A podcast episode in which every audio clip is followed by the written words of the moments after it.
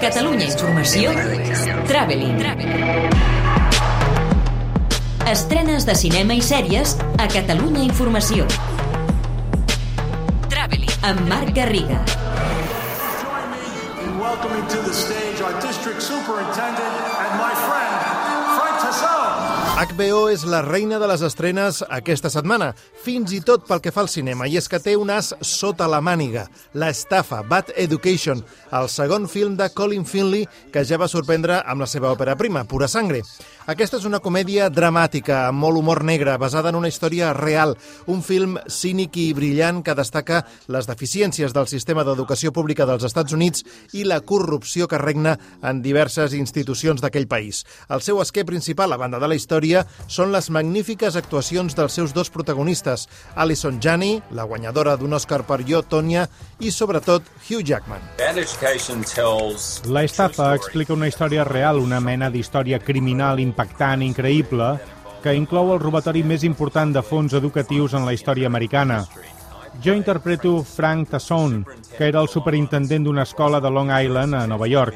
Era un home d'èxit, feia 12 anys que ocupava aquest càrrec i havia aconseguit portar l'escola dels últims llocs del rànquing al número 4 del país. Per ell, les aparences ho eren tot. Obertament deia que ell era la imatge de l'escola i que per això havia de projectar la perfecció. Disponible a HBO des del dia 5. Jag tog hand om mitt och Kents hem i 40 år. Una altra de les estrenes destacades és La nueva vida de Brit Marie, que ja ha arribat a la sala virtual de cinema de Contracorriente i a diverses plataformes. Explica la història d'una dona que als 63 anys abandona un matrimoni de 40 anys i decideix emprendre una nova aventura com a entrenadora de futbol en un poble de mala mort. Una cinta sueca, senzilla però simpàtica, protagonitzada per Pernilla August, una llegenda del seu país que va guanyar la Palma d'Or a Canes amb les millors intencions i que també va ser la mare d'Anakin Skywalker. Seguim amb cinema. Netflix presenta dues produccions pròpies al mateix dia 5, Los últimos días del crimen, un thriller distòpic amb el que somiaria Donald Trump perquè permet al govern dels Estats Units activar un senyal que deté tots els comportaments delictius. I el fluix remake del film dels anys 60, Superfly, una de les fites de l'anomenat Black Exploitation, un tipus de cinema dirigit especialment a la comunitat negra nord-americana.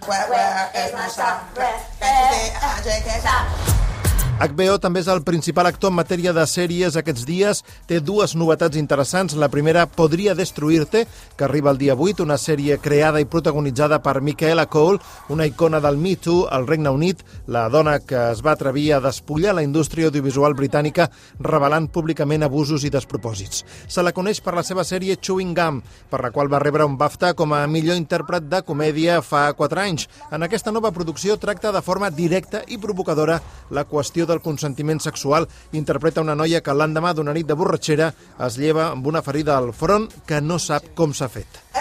Tothom faria ben fet de veure Podria destruir-te, perquè no és el que t'esperes. Ara, si el que t'esperes és una gran sèrie, sí que és el que t'esperes.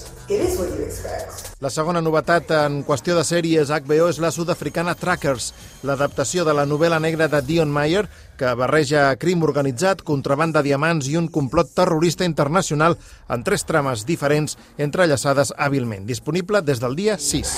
Das läuft wie immer nach und her. Inner Green. Filmin no es queda enrere i continua incorporant sèries de màxima qualitat al seu catàleg. L'última és La ruta del dinero dels creadors de Borgen, un thriller que exposa els mecanismes ocults, guiats per la cobdícia, de les altes finances, una de les grans joies de la televisió nòrdica que ja acumula tres temporades. La primera arriba a Filmin el dia 9 completa. A Amazon arriba El Presidente, una adaptació xilena del FIFA Gate sobre la corrupció al món del futbol, i Apple TV Plus Dear, una docusèrie com homenatge a algunes de les figures més emblemàtiques de la societat nord-americana d'àmbits molt diferents, com el director de cinema Spike Lee, la presentadora de televisió Oprah Winfrey o el músic Stevie Wonder, a partir de les cartes, això sí, que els envien persones a qui han inspirat durant la seva vida. Per acabar, Netflix també presenta aquests dies dues sèries més exòtiques, la italiana Curon, sobre dos bessons que miren d'esbrinar els secrets familiars després de la desaparició de la mare, i la brasilera Reality Z, una comèdia que barreja zombis i reality shows. Totes dues arriben al dia 10 i des de divendres 5 està disponible la quarta i última temporada de la polèmica Por 13 razones. Traveling. Estrenes de cinema i sèries a Catalunya Informació. Amb Marc Garriga.